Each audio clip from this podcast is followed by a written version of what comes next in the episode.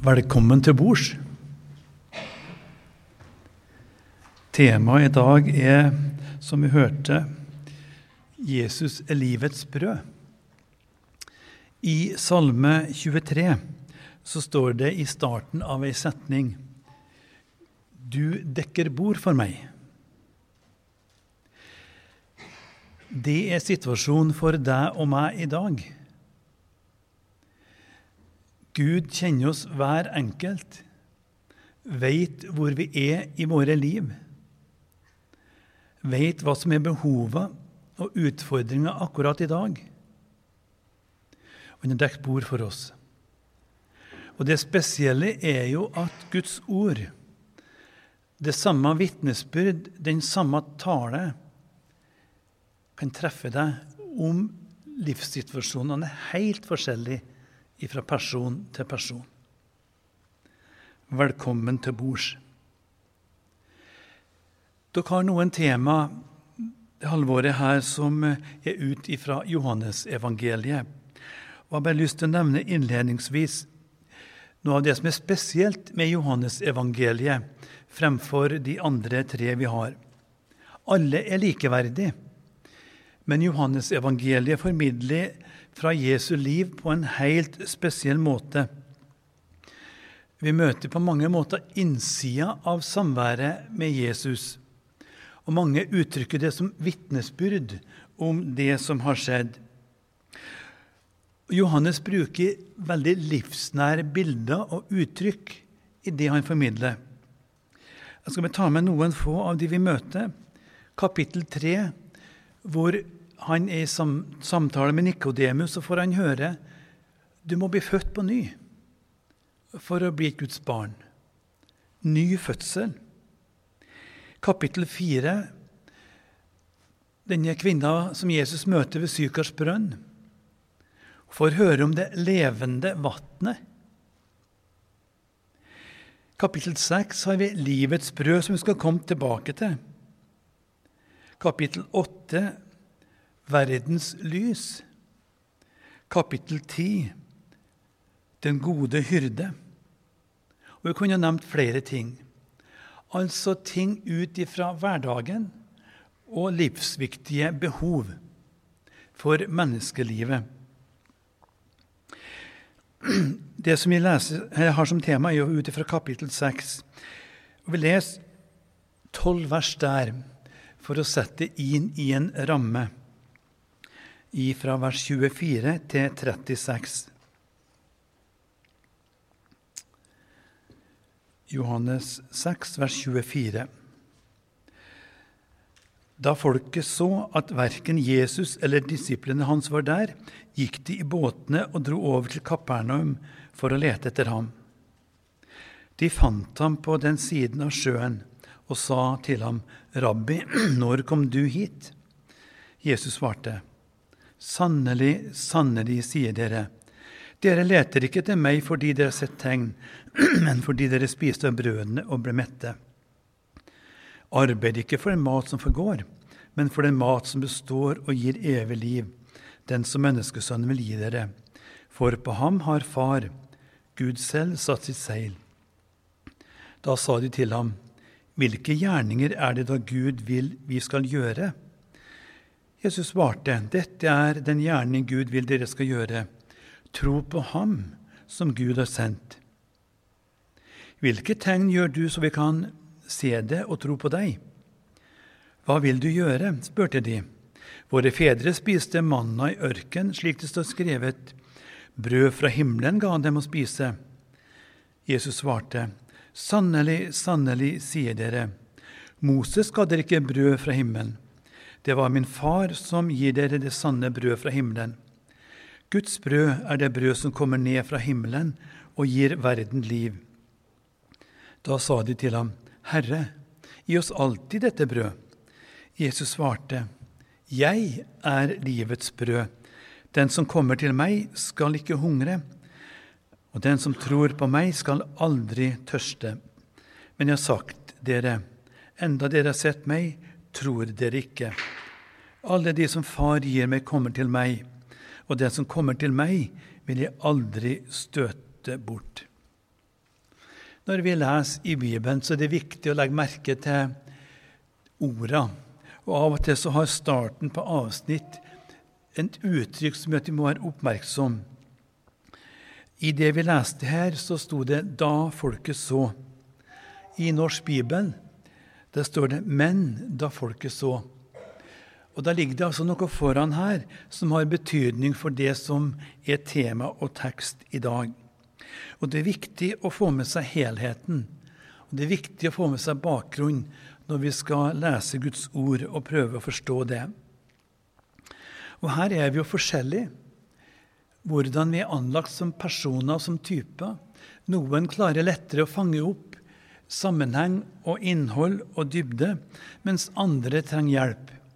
Og jeg er nok en sånn person som ofte trenger hjelp av andre når jeg skal se i Guds ord. Og det kan være å lytte til andres vitnesbyrd og forkynnelse. Det kan være å lese kommentarer. Jesus det er jo uten sammenligning for øvrig, men kvinna ved Sykars brønn hun sier til Jesus, 'Du har ikke noe å dra opp vann med. Brønnen er dyp. Hvor får du da det levende vannet fra?' Jeg føler ofte på det at brønnen er dyp når jeg skal arbeide med Guds ord. Da er det godt å få hjelp til å dra opp vannet, til å se og forstå og tilegne seg.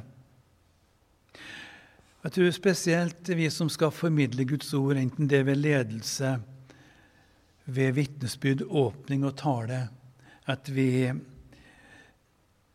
åpne for vår egen hva vi skal si, situasjon, og at vi bruker de midler vi har for å trenge inn i Guds ord. Så hørte vi om folket. De ville dit Jesus var. Og det er jo en flott ting. Og teksten er jo midt inne i Jesus sin storhetstid. Den perioden at han hadde mest folk rundt seg. De hadde opplevd noe med Jesus og ønska noe mer.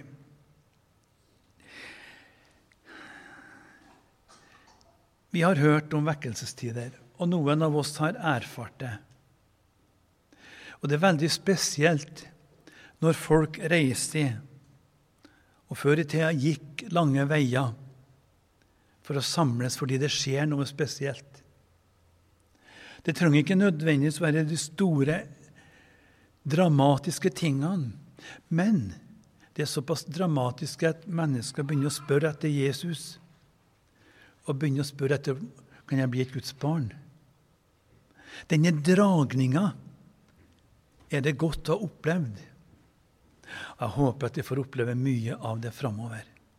At dere også gjennom det arbeidet som driver her i Ølensvåg, får oppleve at folk kommer. Ikke bare for at det er spennende å møtes, men for at her er Jesus, og vi ønsker mer av Han. I salme, i salme 42 så står det Som hjorten lengter etter bekker med vann, lengter min sjel etter deg, min Gud og måtte vi kunne få oppleve mye, mye mer av det der. Du som er her i dag, er du på leiting etter nye opplevelser med Jesus? Det er flott med alt vi har opplevd i fortida. Det takker vi for med tjukke strek under. Men vi kan ikke leve på det. Vi må få møte Jesus på nytt. Så må vi nok erkjenne at det er mange dager da vi syns det er lite av denne lengselen. Og så er det godt at vi kjenner at Gud rører ved oss. Vi må få møte Jesus på nytt og få se mer av Han. Jeg nevnte at Jesus var inne i den mest populære fasen i tjenesten.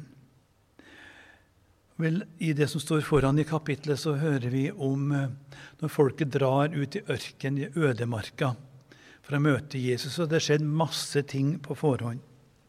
Jesus var aktiv i møte med folk. Mange hverdagsmennesker som sleit, fikk møte han og få, fikk snudd livet opp ned. Mange opplevde under. Noen hørte budskapet og ble forandra av det. Og så dro Jesus ut i ørkenen Og de dro av gårde i hast. Hadde ikke nok niste med seg. Og så får vi høre om brødunderet. Mange tusen. Og Jesus kunne løse det som ikke disiplene kunne. De hadde et lite utgangspunkt. Noen få brød og litt flere fisker. Og det ble rikelig mat for alle. Og så drar Jesus videre, og så har vi situasjonen vi leste om i dag. Men når Jesus ser det her, så er det sjølsagt kjekt med store flokker. Men Jesus vet også hva er motivet. Og så spisser han sin virksomhet og sin forkynnelse, slik at det begynner å berøre grunnleggende ting i manges liv. Jesus ønsker ikke passive tilhengere, men han ønsker noen som kan gi livet sine til Han. Så spisses budskapet slik at det begynner å berøre samvittigheten. Så begynner å berøre personlighetens sentrum, det som vi kaller for hjertet. Og så blir mange forarga. Og flokken begynner kanskje å minke. Men midt oppi der så er det jo folk som får hjelp og trøst, får snudd livet sine opp ned. Og en grunnleggende ting som følger med Jesus fra dag én, det var jo et spesielt budskap til sliterne. Bergpreka starter slik Salig er de fattige ånden, for himmelriket er deres. Fariseerne og de skriftlærde har ikke noe budskap til de som blir kalt syndere, men det hadde Jesus. De som ble frastøtt av de religiøse lederne, ble dratt inn til Jesus av budskapet og kjærligheten og omsorgen. Og det hadde jo disiplene fått opplevd mye av. På tross av at Jesus visste alt om dem, så kalte han dem inn til seg og ga dem store oppgaver for kristenhetens fremtid. Og slik er det jo også i dag. Du visste alt om meg før du meg kalla og ga meg plass ved nådens rike bord. Jesus som livets brød. Ja, men trenger vi det, da? De trodde jo at alt var i orden fra før. De hadde jo opplevd store ting med Gud i fortida. Ja, Jødefolket kunne jo til og med slå i bordet med at Gud ga dem mat da de var i ørken. Det vil si, de sa Moses. Det er nok for oss, løftene som Gud har gitt. Vi trenger ikke noe mer. Men så begynner jeg med å spørre, da Hvilke gjerninger er det da Gud vil vi skal gjøre? Og så får de høre dette er den gjerning Gud vil dere skal gjøre. Tro på Ham som Gud har sendt. Men det er ikke nok. Så får jeg en spørsmål tilbake. Hvilke tegn gjør du, så vi kan tro på deg? Hva vil du gjøre? Tanken på Jesus som Messias den var jo vanskelig for jødefolket å skjønne og forstå.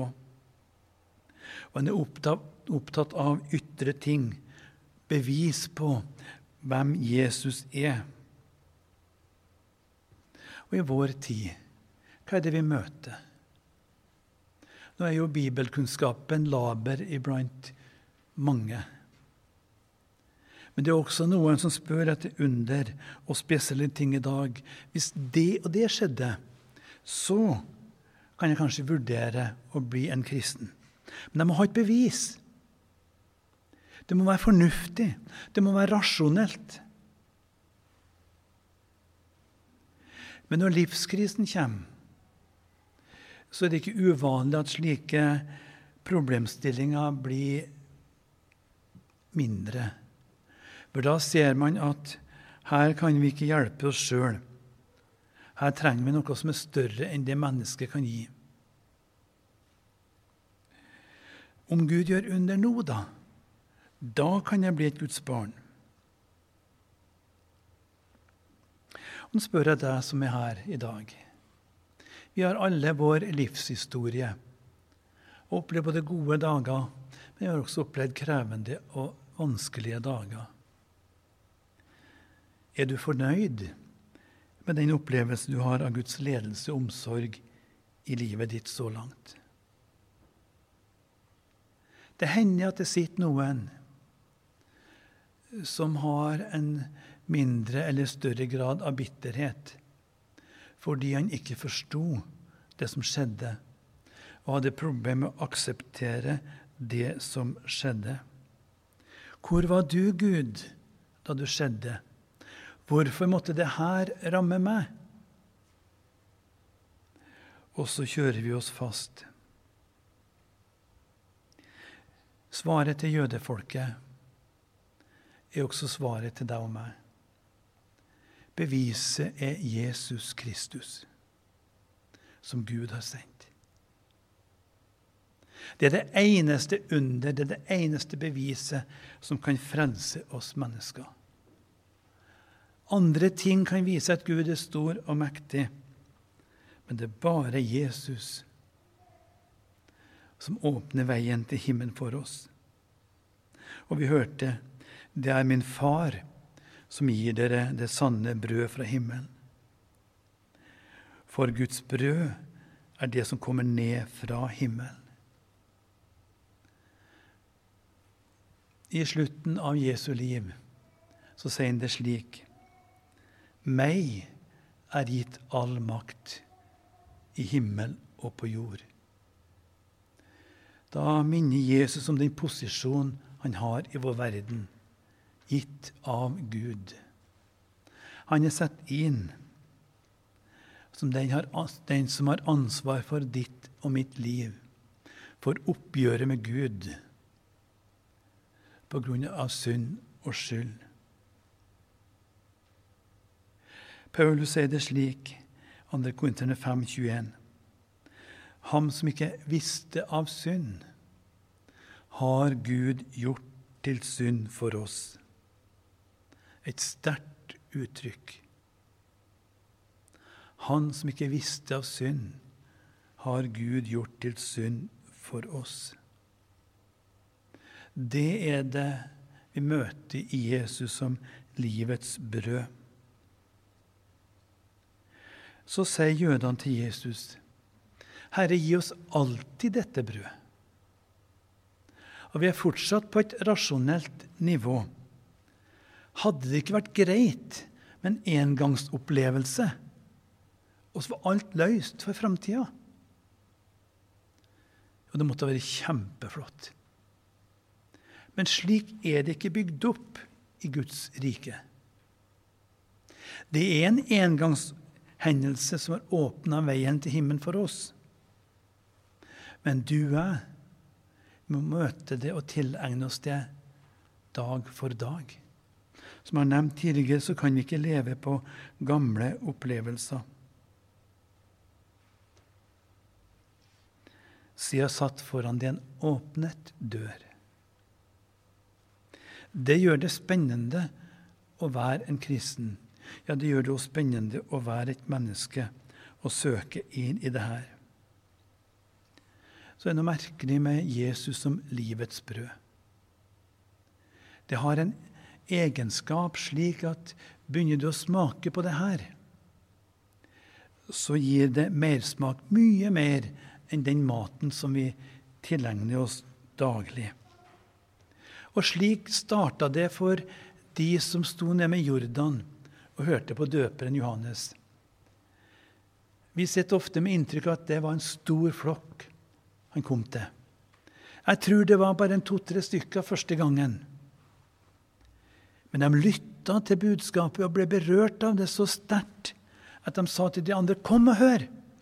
Denne mannen som står nede med Jordan, den er original. Men for et budskap! Og så strømmer de dit flere og flere. og fikk et møte med Gud, et møte med seg sjøl. Ja, de fikk et møte med Jesus, som for noen av de blir livsforvandlende. Disiplene møtte også Jesus for første gang på forskjellige måter. De to første var nede ved Jordan når Johannes pekte på Jesus og sa, 'Se der Guds lam som bærer verdens synd'. Hvordan Levi, tolleren, møtte Jesus, vet vi ikke. Men på en eller annen måte hadde også han en dag fått høre både om Jesus og på Jesus, slik at det var skapt en lengsel og trang i hans liv etter å få bli et Guds barn og få følge Jesus. Jeg tenker på søsknene i Betania, Martha, Maria og Lasarus. Det står ingenting i Bibelen om deres troshistorie og hvordan de ble knytta til Jesus. Men det begynte sikkert i det små. De fikk lytte til han og kjenne på det sterke budskapet som på et punkt da ga en livsforvandlende situasjon. Og ga en kjærlighetsforhold gjensidig mellom de og Jesus.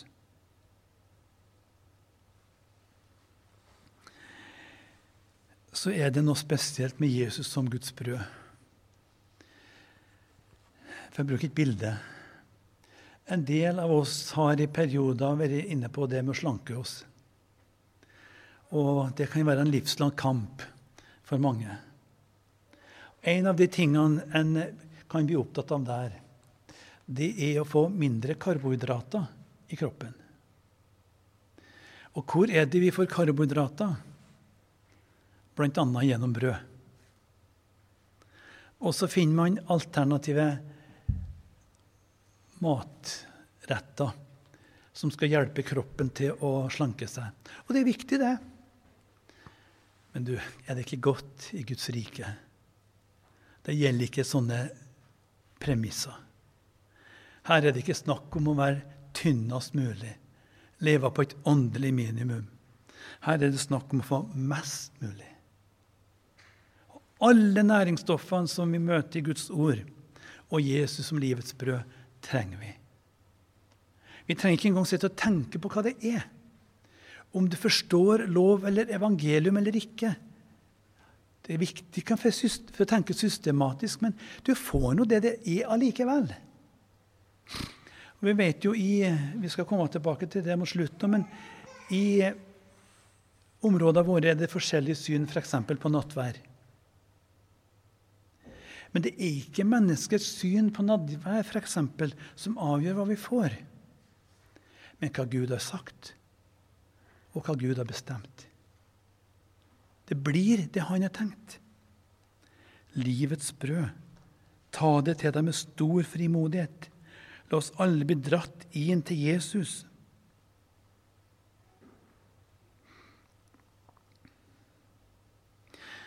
Peter vitna to ganger som vi møter i Johannes evangeliet. I slutten av det kapitlet vi leste fra, når folket har hørt budskapet, og én etter én går vekk, og til slutt er det bare de tolv igjen, så spør Jesus hva med dere? Vil også dere gå bort? Så sier Peter, Herre, hvem skal vi gå til? Du har det evige livs ord og vi tror og vet at du er Guds hellige.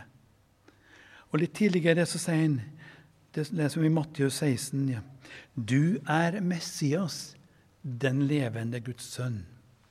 Altså, det viser at gjennom samværet med Jesus har de fått sett det som er kjernen i kristenlivet. Jeg må bli hos det. så handler det med brødet om å bli ett med Jesus.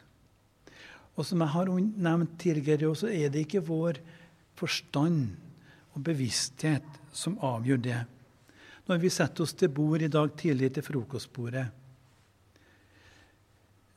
så fikk vi det samme utbyttet av det som satt på bordet. Enten du var en enkel sjel, eller om du var en professor i ernæringsfag. Det er ikke teorien om maten som gir kroppen næring, men at vi putter det inn. Så gjør det sin gjerning. Jesus kommer gjennom sitt ord. Der møter vi livets brød. Vår oppgave, vårt ansvar, er å slippe Han inn i våre liv. Det burde være automatikk, men det er det ikke. Fordi det er så mange ting som kjemper om oppmerksomheten, om tida, om det å påvirke oss. Vi kan velge om vi vil åpne andagsboka eller ikke. Vi kan velge om vi vil åpne Bibelen eller ikke. Vi kan velge om vi vil gå på møte eller ikke. Og Tar vi ikke et aktivt, aktivt valg her, så blir det ofte slik at det suser av gårde. Slipp Jesus inn. Slipp han inn. På samme tid så vil jeg også understreke at det ikke er kvantiteten av det vi leser, som nødvendigvis er det som Ja, det hjelper oss sjølsagt, men det er forskjell fra person til person. Mange av dere vet at for 19 år siden døde eldste gutten vår. Han var svaksynt, og det å lese var ikke lett for han. Dagen etter han døde, fant jeg andagsboka hans Major, i leiligheta på Majorstua i Oslo. Og hva møtte jeg? Ei ungdomsandagsbok med korte, konsise andakter. Svart i kantene fordi den var velbrukt. For han var det de små dryppa som ga mat og næring og livsinnhold og vekst. Så er vi forskjellige. Jeg har opplevd situasjoner i livet der jeg ikke har orka å åpne Bibelen. Men da sang var det som ga ordet og vitnesbyrdet til meg. Så er det andre perioder at livet er enklere. Men vi har forskjellige måter vi sliter med det her på, alle sammen. La oss være ærlige om det. Det gjelder å slippe Jesus til. Johannes bruker bilder som på en måte går inn og ikke, ikke si provosere, men allikevel utfordrer oss. Vi møter den som drikker, i kapittel fire.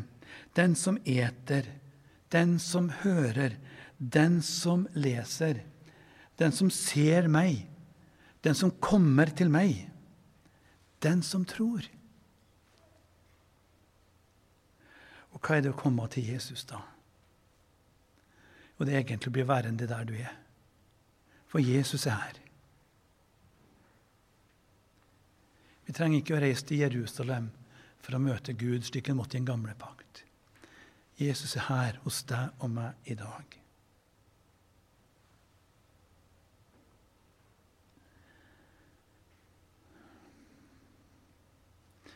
Jeg vil tilbake til nadværen nå mot slutten. Det er det sterkeste vitnesbyrdet eller bildet vi har på det å bli ett med Jesus. Når vi sitter og hører på en tale, så er det av og til vi kan være veldig uopplagt og ukonsentrert når vi sitter på møte. Og når vi går hjem, så lurer vi på fikk jeg noe med meg i dag. Det føltes så tungt og tregt og slapt. Oftest er det vel kanskje oss sjøl det er utfordring med da. Men når du får ta imot nadværen, enten det skjer på bedehuset eller i kirka, da møter du Jesus gjennom disse elementene. Det er ikke din bevissthet. Det er ikke hva du tenker det er avhengig av. Men du får. I en uh, gammel nattverdssalme av Landstad så står det La ditt legem brutt i døden og ditt dyrebare blod bli den sanne sjeleføden og en hjertestyrke god. Du i oss og vi i deg, ett på livets himmelvei. Så trenger vi Guds ord, en forkynnelse og lesning. Og vi trenger nadværen. Det mest intime vi opplever i den kristne menighet. Vi får komme og ta imot.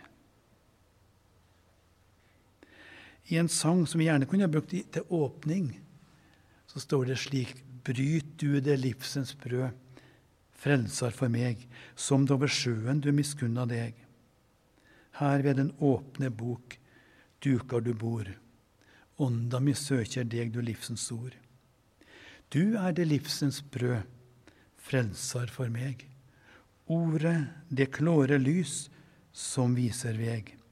Du som så ofte før fylte min trong. Bryt Jesus livets brød ennå en gang. Vi ønsker hverandre lykke til her. Jesus som livets brød, med denne bønn, bryt Jesus livets brød enda en gang. Amen.